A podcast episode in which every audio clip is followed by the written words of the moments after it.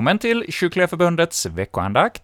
Antingen du lyssnar till oss via vår hemsida eller via vår eh, poddradiospelare eller via ett par av våra närradiostationer i Sverige. Antingen via Växjö närradio på onsdagskvällar 102,4 eller om du lyssnar till oss ifrån Borås närradio på 92,5 MHz. Ja, alla är ni hjärtligt välkomna till dagens program. Och Just ikväll är det en boende i Borås som kommer att leda vår andakt här i radion. Det är Kristoffer Helle som leder vår betraktelse idag inför eh, den kommande helgen, och nu på söndag så har vi tredje söndagen i påsktiden. Och vi ska nu få lyssna till en predikan utifrån denna söndags tema. Men innan vi lyssnar till Kristoffers andakt så får vi sjunga med på salmen 558, och det är Sven Österberg, en kantor från Växjö, som leder vår sång.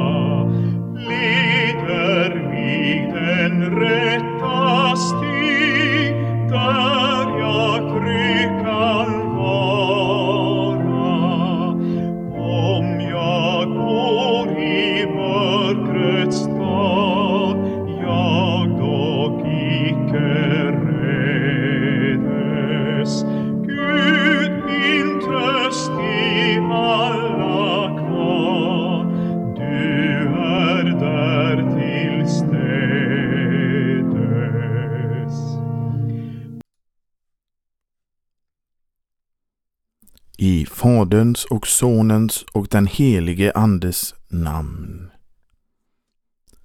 Jes, låt oss bedja. Jesus, hjälp oss denna stunden att rätt ditt ord förkunnas må. Du är den enda säkra grunden vi i vår svaghet bygger på.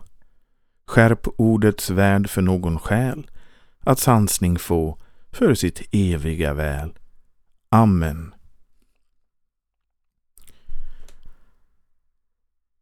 Vi läser den här veckans evangelietext som är hämtad från Johannes evangeliets tionde kapitel, verserna 11 till och med 16.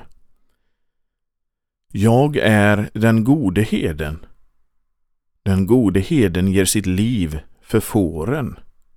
Den som är lejd och inte är en herde för med egna får, han överger fåren och flyr när han ser vargen komma och vargen river dem och skingrar jorden.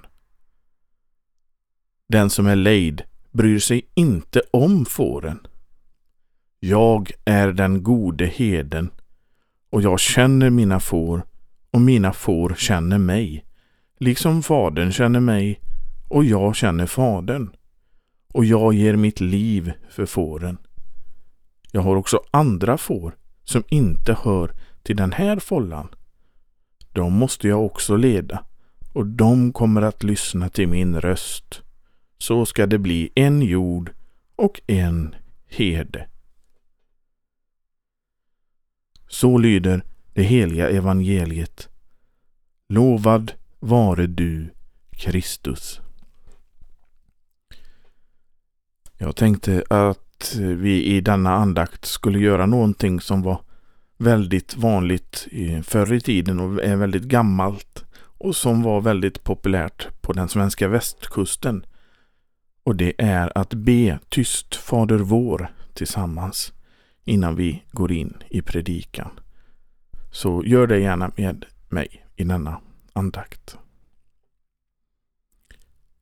Jag är den gode heden, säger Jesus. Men vad är en herde? I sin liknelse liknar Jesus sina egna, de som tror på honom, med en flock får och sig själv som en herde. En herde leder fåren och vill deras bästa. Heden bryr sig om fåren och hjälper dem att komma ut på bete så att de får mat. Heden leder fåren så att han skyddar dem från fara. För många är de faror som lurar för fåren. Det kan vara, som texten säger, vargar. Men det kan också vara andra, falska herdar, som försöker locka fåren. En falsk herde som inte vill deras bästa, utan endast vill utnyttja dem för sin egen vinnings skull. För så är det med oss människor. Jesus vill leda oss på den rätta vägen. Den smala vägen som leder till salighet. Och inte den breda vägen som leder till fördärvet. För det finns mycket som lockar oss människor att ta den breda vägen. Den här världens lockelser är starka och djävulen finns ständigt där för att skapa tvivel hos dem som är allvarliga med sin kristendom och söker Gud. Men då finns den sanna heden Jesus där och säger Kom, följ mig.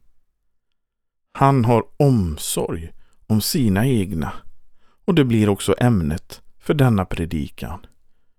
Jesu omsorg om sina egna. När vårt ämne nu är Jesu omsorg om sina egna ber vi tillsammans Fader vår som är i himmelen.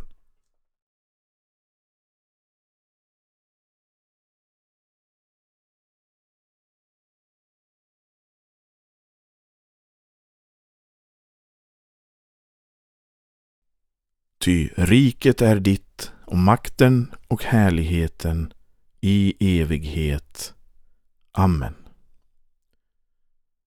Vi säger för det första Jesus känner sina egna. Jesus känner sina egna. Jesus vet hur det är att vara människa. När han steg ner på jorden och blev människa så tog han på sig alla de svagheter som det innebär att vara människa. När han levde och vandrade här på jorden blev han trött, törstig och hungrig. Han blev arg och ledsen och han blev glad och firade. Man brukar kalla Jesu tid här på jorden för hans förnedringstillstånd. Under sin tid här på jorden avstod han från de mesta att använda sina gudomliga egenskaper. Han levde alltså i stort sett på samma villkor som vi gör här i världen, med vad det innebär att vara människa.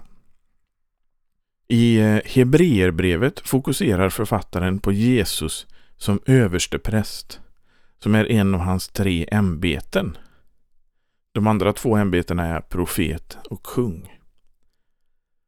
I Hebreerbrevets fjärde kapitel skriver den okände författaren Ty vi har en överstepräst som ej kan ha medlidande med våra svagheter, utan en som blev frestad i allt, liksom vi, men utan synd. Jesus, ja, han blev frestad till att begå synd.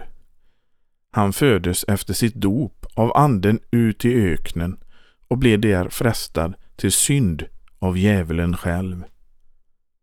Jesus hade inte ätit någonting på 40 dygn och då kom djävulen till honom och försökte sätta honom på prov och sa att om Jesus nu var Guds son så kunde han väl förvandla stenarna som låg där till bröd. Då svarar Jesus, Jesus honom att Människan lever inte bara av bröd utan av varje ord som utgår från Guds mun. Djävulen fortsätter och försöker få Jesus att falla i synd genom att ta honom till Jerusalem och han ställde honom på templets mur och försökte få Jesus att kasta sig ner och citerade skriften om att änglarna skulle rädda honom och att stenarna inte skulle röra vid hans fötter. Men Jesus stod emot också detta och svarade med att citera femte Moseboken. Det står också skrivet Du skall inte fresta Herren din Gud. I ett sista försök så tar djävulen honom till ett högt berg, visar honom världen och säger att allt det här ska han ge till Jesus om han bara faller ner och tillber djävulen. Men återigen svarar Jesus med att citera skriften och säger Gå bort Satan, ty det står skrivet Herren din Gud ska du tillbe och endast honom skall du tjäna. Efter det försvinner djävulen och änglar framträder som börjar tjäna Jesus. Vad kan vi nu lära oss av detta? Jesus blir på det allra påtagligaste vis frestad av frestaren själv som försöker få honom att tjäna honom istället för sin fader i himlen. Det som djävulen gör är att han frestar Gud själv. Han försöker alltså få den allsmäktige guden på fall. För han vet vem det är han frestar. Folket visste inte vem Jesus var. Men djävulen visste. Om han nu går till sådana ytterligheter för att fresta Gud själv, vad gör han inte då med oss? Djävulen gör samma sak med oss. Han försöker att skapa tvivel och försöker få människor att vända oss, få, få oss människor att vända oss bort från Gud och istället vända oss till det som står Gud emot. Han försöker intala oss att inte är Gud så nådig som skriften säger. Visst behöver du hjälpa till lite själv med goda gärningar eller andra fromma handlingar. Eller så gör han tvärtom. Inte vill Gud ha något att göra med någon som är så usel som du. Du ska inte tro att han vill frälsa dig. Eller så visar han dig vad den här världen har att erbjuda i form av syndiga nöjen som leder bort från din frälsare. Du kanske blir så vänd till den här världen att du helt glömmer bort att du behöver en frälsare. Ditt samvete kanske inte längre varnar dig när du gör någonting som går Gud emot. Då har ditt samvete blivit sovande och dö, dör du i det tillståndet kommer ditt samvete bli ett förtvivlat samvete som kommer att anklaga dig i all evighet. Det bästa skyddet mot detta är det som Jesus själv använde sig av, nämligen Guds ord. Den som håller sig till Guds ord och ofta läser i sin bibel finner svaren där. Då blir djävulens angrepp förgäves. Guds ord skyddar oss och ger oss kraft. När man med allvarligt sinne läser Bibeln så tar Guds helige ande sin boning i människans hjärta och börjar där utföra sitt verk och genom ordet skapar tro. Tänk att vi har en frälsare som varit frestad i allt, precis som vi, men klarat dessa frestelser utan att falla i synd. Det gör att han på korset kunde helt oskyldigt ta på sig det straff som vi människor har förtjänat. Han som var fri från synd led och dog för att vi skulle få liv och för att de som tror på honom och hans försoning att djävulen inte längre kan komma åt dem. Jesus har besegrat honom en gång för alla. Således känner Jesus sina får. För han vet precis vad de har gått igenom. Vi säger för det andra att Jesu egna känner honom. Jesu egna känner honom. När Jesus stigit upp från de döda börjar det med det börjar det man brukar kalla för hans upphöjningstillstånd. Detta är motstånd, motsatsen till det jag tidigare nämnde som var Jesus förnedringstillstånd. I sitt upphöjningstillstånd så brukar han fullt ut sina gudomliga egenskaper och detta tillstånd fortgår ännu. Detta kan vi förstå bland annat av att Jesus kunde gå genom stängda dörrar efter sin uppståndelse. Då kom Jesus medan dörrarna var låsta och stod där mitt ibland dem och sa Frid vare med er. Efter detta fick Thomas, som var en av de tolv, som tidigare hade tvivlat, han fick sticka sitt finger i såren i Jesu händer och sin hand i såret på Jesus sida. Efter det sade Jesus till honom Därför att du har sett mig tror du. Saliga är de som tror fast de inte ser. Så är det med oss som lever här på jorden nu. Vi får tro fast vi inte ser. Hur lär vi känna Jesus så att vi kan komma till tro på honom? Jo, det gör vi genom Guds ord. Ju mer vi läser i vår bibel, desto mer lär vi känna Jesus. Samma sak gäller predikan. Om vi är ofta med allvarligt sinne lyssnar till en sådan predikan som stämmer överens med Bibeln så lär vi känna Jesus. Han kan också, här kan också tilläggas, goda predikosamlingar av rätta lärare. Även de är att betraktas som Guds ord. Det är viktigt att det stämmer överens med Bibeln och därför är det viktigt att man prövar det som sägs mot skriften. För det är så man lär känna den verklige Jesus. Tyvärr, tyvärr finns det de som inte predikar Guds ord men ändå säger att de kommer i hans ärende. Den som är lejd och inte är en herde med egna får, han överger fåren och flyr när han ser vargen komma och vargen river och skingrar jorden. Den som är lejd bryr sig inte om fåren. Den som inte predikar Guds ord är inget att bygga på och det kommer att överge människorna och fly när det verkligen gäller någonting. Den som är lejd bryr sig bara om sig själv och Jesus varnar själv för dem. Akta er för de falska profeterna som kommer klädda som får men i sitt inre är rovlystna vargar. På deras frukt ska ni känna igen dem. Inte plockar man väl vindruvor från törnbuskar eller fikon från tistlar. De säger att de kommer med frid och evangelium som fromma får, men är egentligen vargar. Tyvärr finns det många sådana.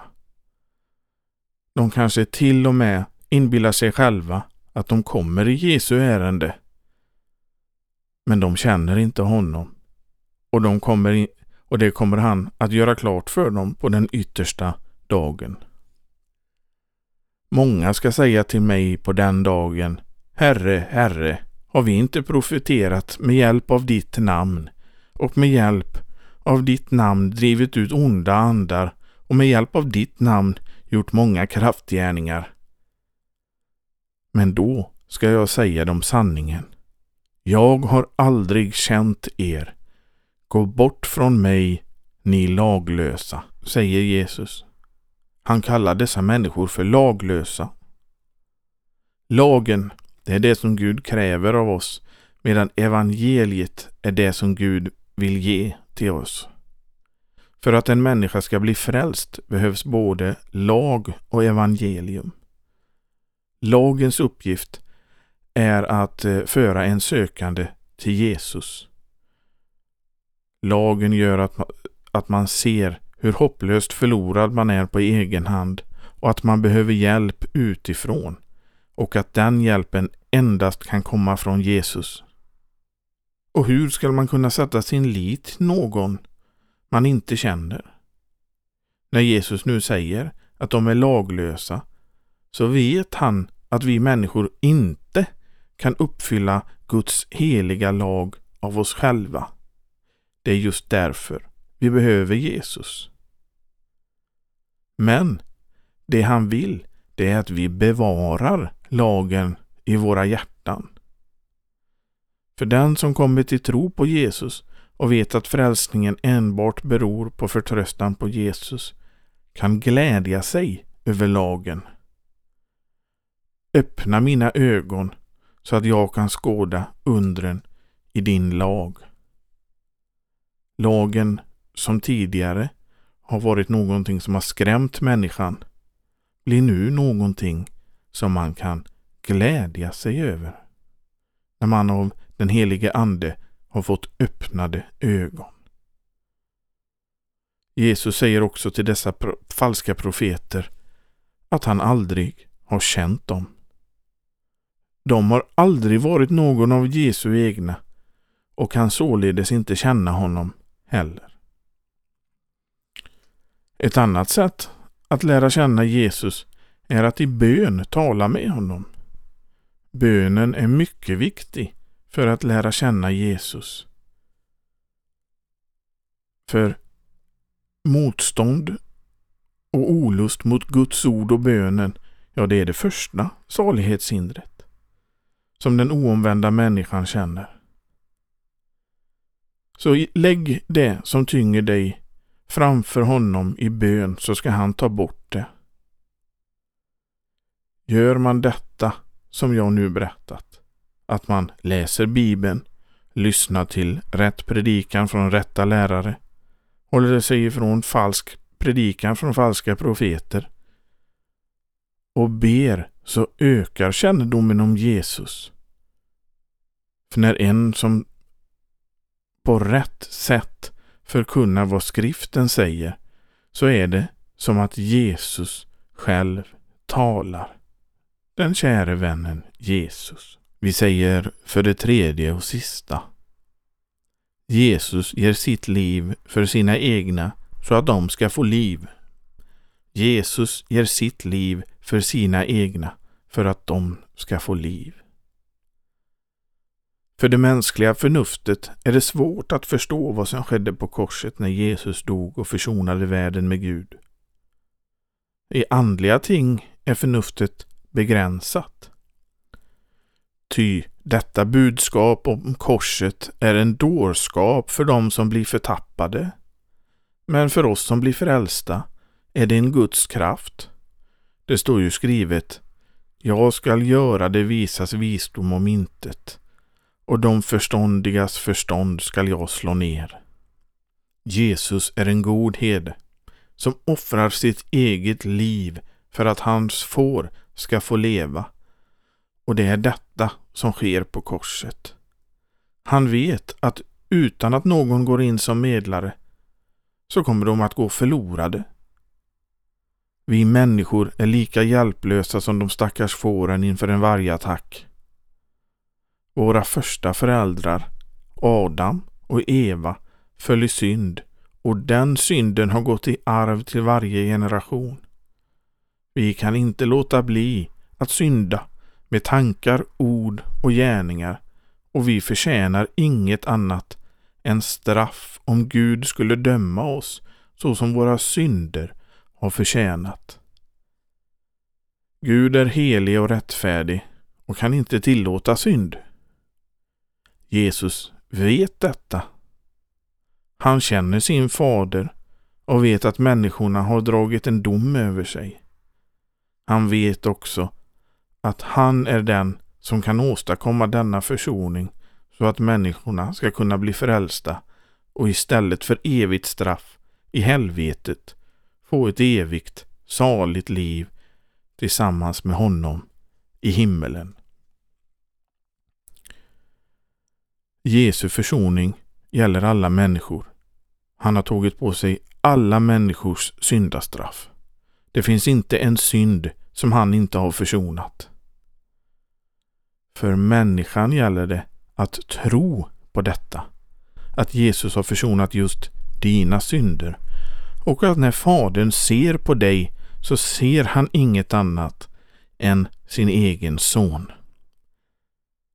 Jesu försoning gäller även för de synder som är begångna av de som inte tror på honom. Kommer de till tro på honom blir de också frälsta. Viktigt att poängtera är att man kan inte göra någonting själv för sin frälsning. Synden finns med i allt vi människor gör. Därför är det viktigt att man förtröstar endast på det som Jesus har gjort och inte på något eget. Jesu försoning är fullbordad och fullkomlig. Du behöver inte hjälpa till med någonting själv, utan bara ta emot. Amen.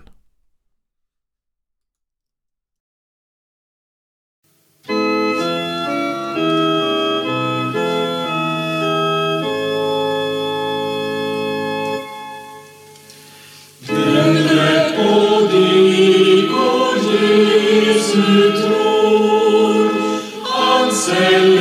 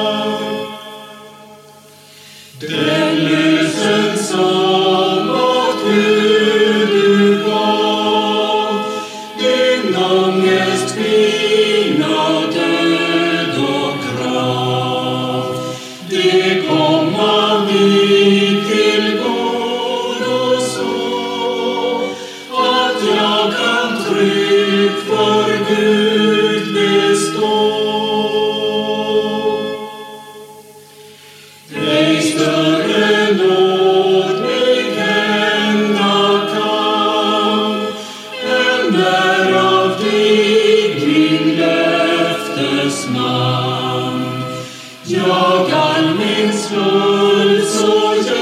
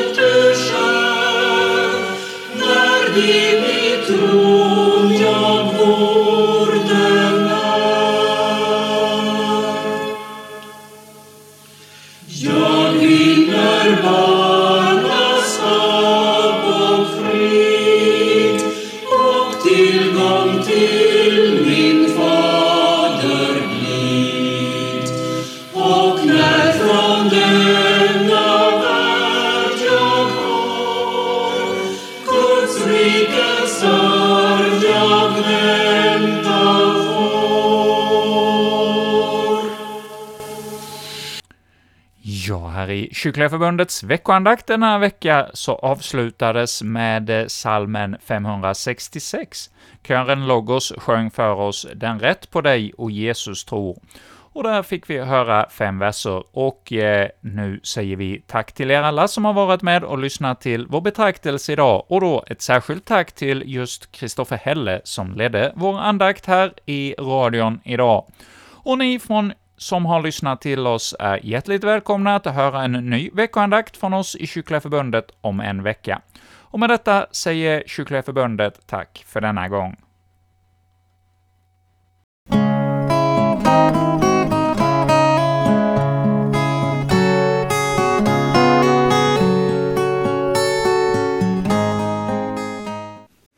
Välkommen till Bokhörnan Örjan Bäckryd läser ur Olof Edsingers bok Ett liv i den heliges närhet.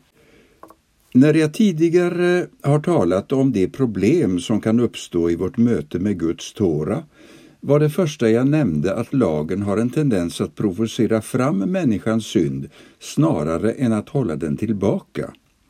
I anslutning till detta tog jag upp vår benägenhet att göra laguppfyllnaden till en del av vårt eget livsprojekt, alltså att vi på olika sätt försöker använda lagen för att göra oss förtjänta av Guds nåd och eller omgivningens gillande. Slutligen uppmärksammade jag att varje överträdelse av Guds lag ger upphov till ett skuldförhållande i relationen till vår skapare. Det är detta som vi normalt tänker på när vi talar om Jesu död som en offerdöd. När jag själv stannar upp inför dessa problem är det påfallande att inget av dem kastar någon skugga över lagen som sådan. Istället är det hela tiden synden i oss människor som är problemet. Kollisionen mellan människan och lagen skulle alltså kunna ses som en parallell till kollisionen mellan synden och Guds helighet. Annorlunda uttryckt, lagen är bara problematisk för dem som lever i uppror mot Gud. Men hur ska vi då tolka de ställen i Paulus brev där aposteln talar om lagen som överspelad i den troende människans liv? Som jag själv uppfattar det hela har det att göra med vad som händer med oss människor när vi kommer till tro. När vi låter Jesus vara Herre i våra liv blir vi inte bara förlåtna för vår synd, vi får även del av Jesus själv. Genom dopet och tron blir vi iklädda Kristus enligt Galaterbrevets tredje kapitel och allt han är och står för blir vårt. I Kristus är vi alltså, precis som Jesus, utan synd. Eller för att använda en annan biblisk bild, vi har blivit inympade i Kristus. Därför kan vi sägas ha levt upp till lagens alla krav i honom. Jag märker själv att jag famlar efter orden när jag ska beskriva detta mysterium. Men poängen är alltså att det inte finns något utrymme att som kristen tala om vårt behov av att uppfylla Guds Tora, helt enkelt för att lagen genom tron redan är uppfylld i oss. Paulus skriver, det som var omöjligt för lagen, svag som den var genom den kötsliga naturen, det gjorde Gud genom att sända sin egen son som syndoffer, till det yttre lik en syndig människa. I hans kropp fördömde Gud synden. Så skulle lagens rättfärdiga krav uppfyllas i oss som inte lever efter köttet utan efter anden. Romarbrevet kapitel 8. Mot denna bakgrund kan man säga att Jesus i det nya förbundet har tagit lagens plats. Kristus är lagens fullbordan till rättfärdighet för var och en som tror, skriver Paulus i Romarbrevet kapitel 10. Detta är också anledningen till varför Nya testamentets författare väljer att hänvisa till Jesus och hans korsdöd snarare än till buden i Gamla testamentet när de undervisar om den kristna livsstilen. Jesus har inte bara uppfyllt lagen i vårt ställe, Genom sitt sätt att leva och vara har han själv blivit den troende människans nya lag. Alltså, han har blivit vår förebild och vår måttstock för ett liv efter Guds vilja. Var så till sinnes som Kristus Jesus var, skriver Paulus. I ett annat sammanhang säger han att han som kristen inte är utan Guds lag utan lyder under Kristi lag. I Johannesevangeliet förmedlas denna undervisning på ett delvis annorlunda sätt, nämligen genom att Jesus identifierar sig själv med Tora. I inledningen till evangeliet beskrivs Jesus som ordet från himlen och redan det är ju en tydlig anspelning på lagen. Men även senare i evangeliet visar det sig att många bilder som i judisk tradition har brukat användas som omskrivningar för lagen livets vatten, livets bröd, Guds manna etc används både om och av Jesus själv. Tidigare har vi sett att den viktigaste kraften till helgelsen kommer från Andens närvaro i våra hjärtan. Men utifrån det som jag nu har skrivit skulle man lika gärna kunna tala om Jesu närvaro i våra hjärtan. Det som Anden vill åstadkomma är nämligen att göra Jesus och hans egenskaper allt mer synliga i våra liv. Som Paulus skriver, jag har genom lagen dött bort från lagen för att leva för Gud. Jag är korsfäst med Kristus och nu lever inte längre jag, utan Kristus lever i mig. Den praktiska konsekvensen av detta är att vi inte längre har behov av Guds skrivna lag som norm för hur vi ska leva som kristna. Paulus skriver Men vi vet att lagen är god om man använder den rätt och inser att den inte är till för rättfärdiga utan för laglösa och rebeller, gudlösa och syndare, oheliga och oandliga. Lagen är till för dem som misshandlar sin far och mor, som mördare, för dem som lever i otukt och homosexualitet, för slavhandlare, lögnare, menedare och allt annat som går emot den sunda läran, enligt evangeliet om den salige Gudens härlighet som har anförtrotts mig. Första Timotebrevets första kapitel. Lagen är till för dem som ännu inte känner Herren, säger Paulus. Den är till för dem som inte har böjt sig under Guds vilja och som fortfarande lever i uppror mot honom. För oss som har blivit kristna och som därför har gått in i ett lydnadsförhållande till Kristus är det däremot fullt tillräckligt att ha honom och hans liv som mall för våra liv. Trots detta behöver man inte läsa särskilt långt i Nya testamentet för att se att både Jesus och hans apostlar förser oss med mängder av föreskrifter att leva efter. Behovet av riktlinjer för vårt sätt att leva har alltså inte försvunnit bara för att vi är kristna. Men anledningen till detta är alltså inte att det nya förbundet på samma sätt som det gamla är uppbyggt kring Guds lag. Anledningen är istället att vi även som troende bär med oss något av vår gamla människa.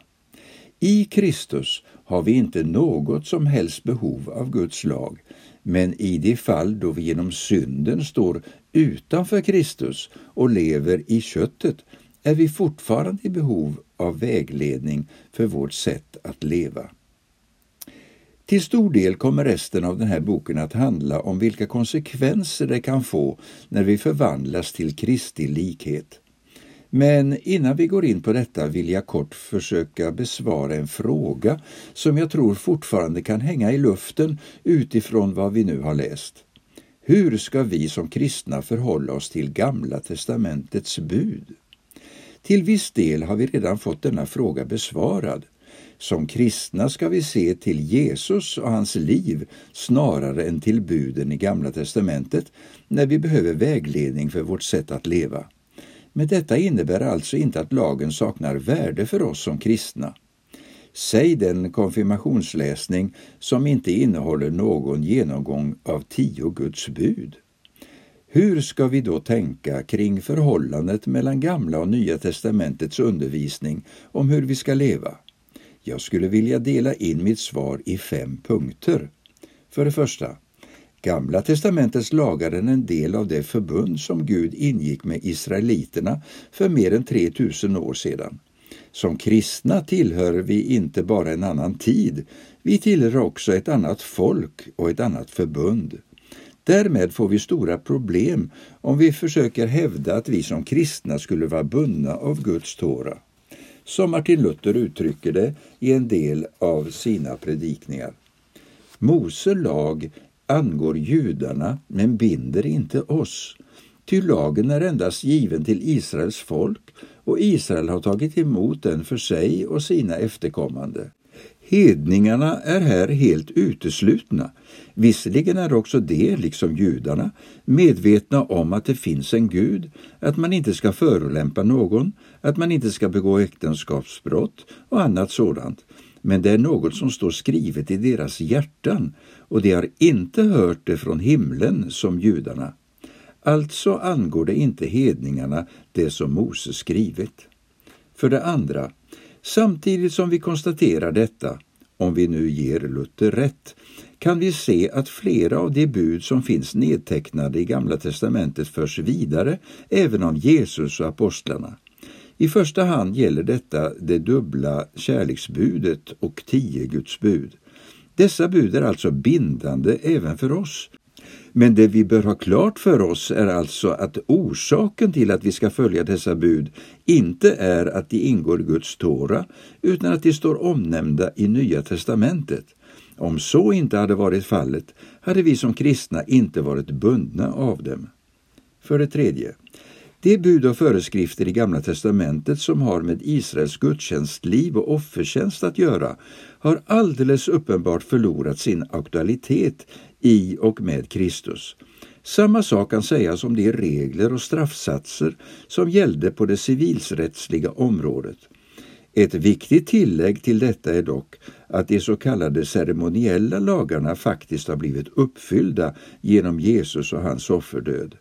Särskilt tydligt blir detta i Hebreerbrevet där Jesus beskrivs som den överste präst som på ett fullkomligt sätt har uppfyllt lagarna om tempeltjänst och offer.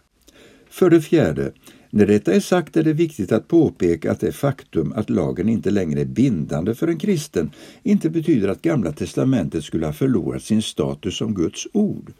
Vad det däremot betyder är att buden i Gamla testamentet är Guds ord till någon annan än oss, som Martin Luther säger om detta. Tag ett exempel. En husfader har en fru, en dotter, en son, en piga och en dräng. Han ger order till drängen att denne ska spänna för hästen och fara ut i skogen eller ut på åkern och arbeta. Till pigan säger han att hon ska mjölka korna och kärna smör och så vidare medan frun ska ha uppsikt över köket och dottern ska bädda sängar och dylikt. Men låt oss tänka oss att pigan spänner för hästen och far till skogs. Drängen sätter sig på mjölkpallen för att mjölka. Dottern vill åka vagn eller ge sig ut på åken för att köra plogen och frun ger sig till att spinna och bädda sängar istället för att ha uppsikt över köket. Och allt med den motiveringen att det ju är husfaderns befallning. Då skulle han säkert skaffa sig en påk och driva dem samman och säga till dem det må vara min befallning hur mycket som helst, så var det ändå inte meningen att vem som helst skulle göra vad som helst. Så förhåller det sig också med Guds ord. När vi läser Guds ord räcker det inte att vi förstår vad som står. Vi behöver också ta reda på vem det är skrivet till. Först då kan vi veta hur vi ska tillämpa skriftens ord. Observera också att Luthers ord inte behöver betyda att vi som kristna inte kan dra några lärdomar av det som Gud har sagt i Gamla testamentet. Lagen är död och förbi, säger Luther och fortsätter. Men det hindrar inte att jag kan hämta nyttiga lärdomar av Mose och jag kan säga så och så har Mose handlat. Det tycker jag är utmärkt och jag vill gärna göra som han i det eller det avseendet. Jag skulle gärna se att de som har makten här i världen reagerade efter Mose exempel. För det femte, slutligen vill jag säga att jag personligen hyser en djup kärlek till Guds ord så som det möter oss i Gamla testamentet.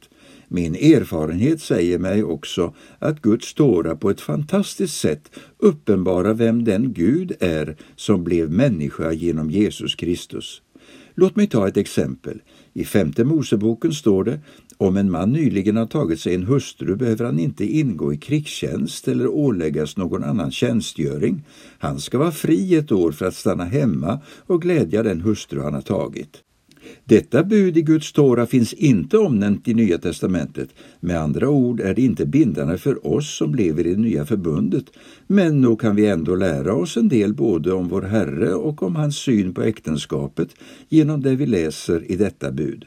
På motsvarande sätt finns det oändligt mycket att upptäcka av Herren och hans egenskaper, både genom hans handlande och hans bud i Gamla testamentet.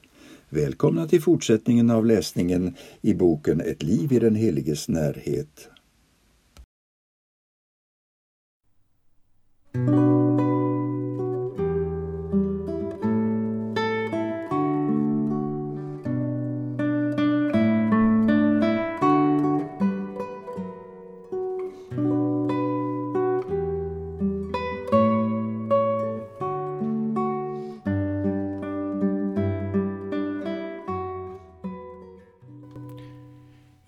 Klockan är kvart i nio denna onsdagkväll och det är dags att vi från Kristina Radio avslutar kvällens sändning med vår aftontanke eller aftonbön. Och vi ska idag återigen få höra en betraktelse ur Egon Olssons andaktsbok, men innan dess ska vi få sjunga med i salmen 287, och därefter får vi sen höra då andakten, och efter betraktelsen blir det salmen 325 i psalmboken.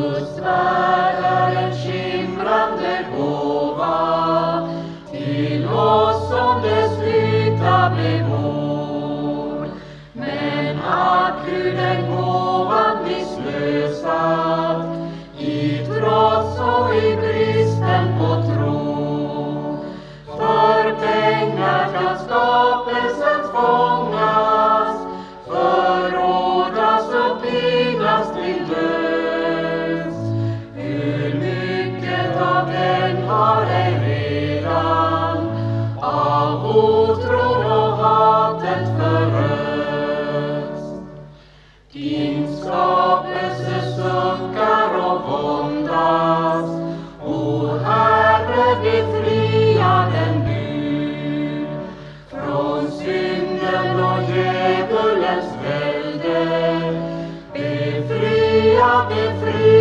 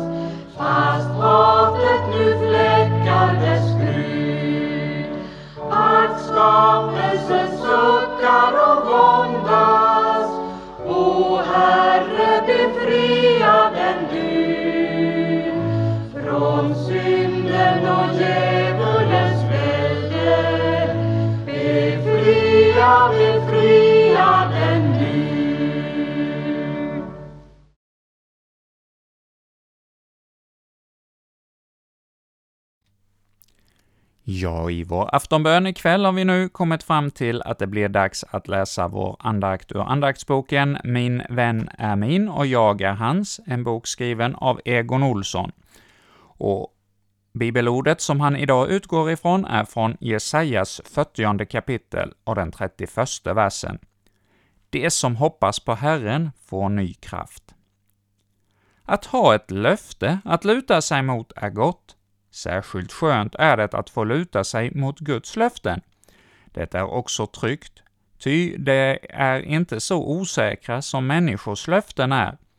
Vi människor kan svika, men Gud står alltid vid sitt ord. Nu inbjuder Gud oss att hoppas på honom. När vi hoppas på Gud litar vi på att han har allt i sin hand och råder i allt. Vi förstår inte hans vägar, men Guds väg är inte ond och är alltid den bästa. Den kan vara smärtsam för oss, men Guds tänkesätt är ju en gång för alla inte vårt. När vi hoppas på Gud lutar vi oss mot att han finns också i vårt liv. Han hör våra böner och han drar sig inte undan. Ju närmare vi kommer Gud, desto starkare blir vårt behov av detta. Det hör till det nödvändigaste i vårt liv att vi kan komma till Gud med allt. När livet djupnar för oss blir frågorna många och vårt behov av vägledning stort. Att hoppas på Herren har också ett löfte med sig. Vi får ny kraft, inte kraft till att gå våra egna vägar efter våra kortsiktiga önskningar. Kraften är att viljan och modet att vilja veta Guds väg och vara redo att gå den. Det kan innebära att vi måste gå emot vad vi innerst inne önskar.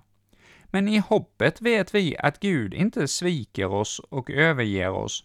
så har vi vår kraft i Gud och det han är för oss.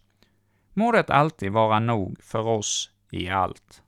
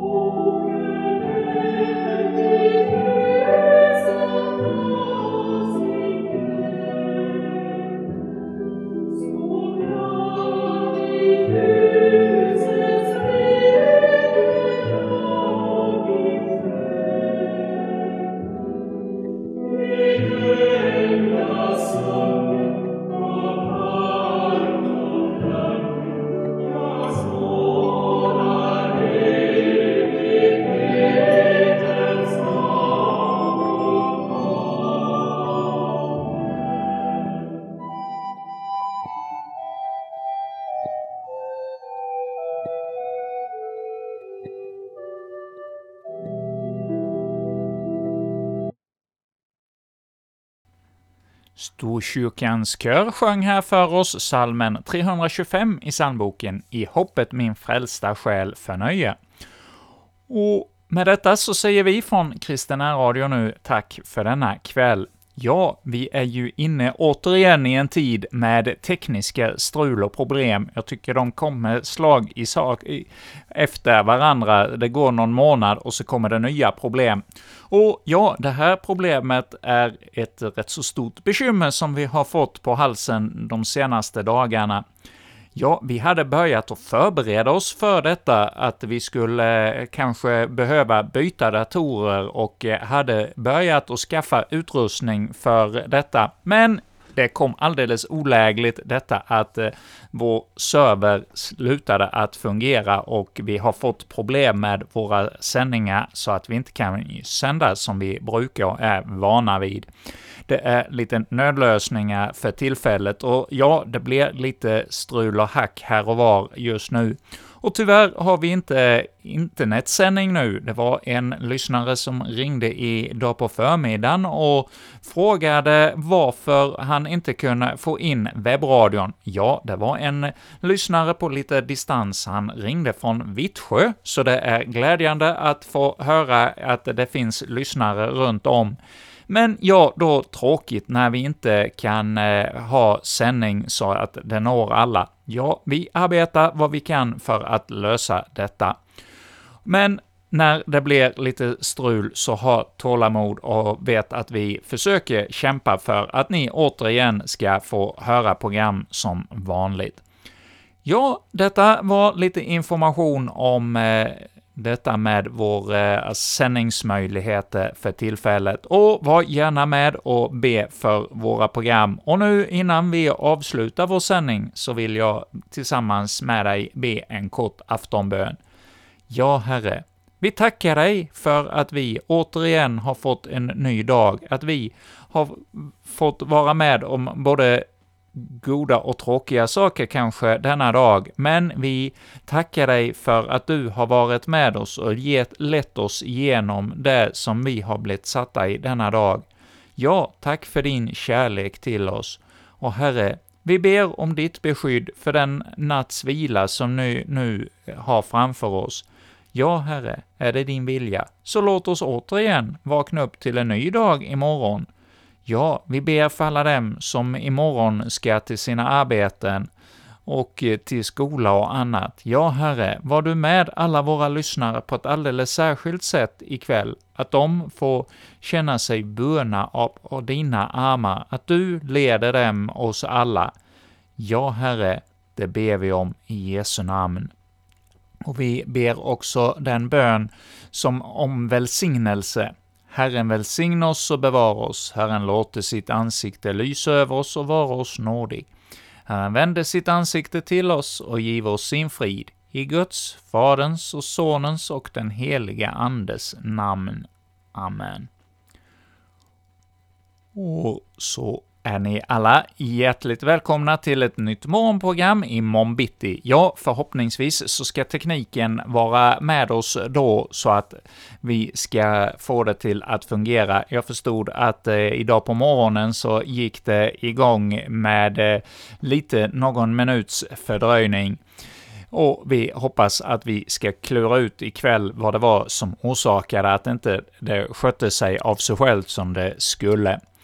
Och nu då säger jag godnatt till er alla och så vill jag avsluta med en kvällsalm. Det blir salmen 190 i psalmboken, Bred dina vida vingar, och det är Anders Andersson som kommer att sjunga denna psalm för oss nu som avslutning på vår sändning denna kväll. Bred dina vida vingar O Jesus, über mich, o klot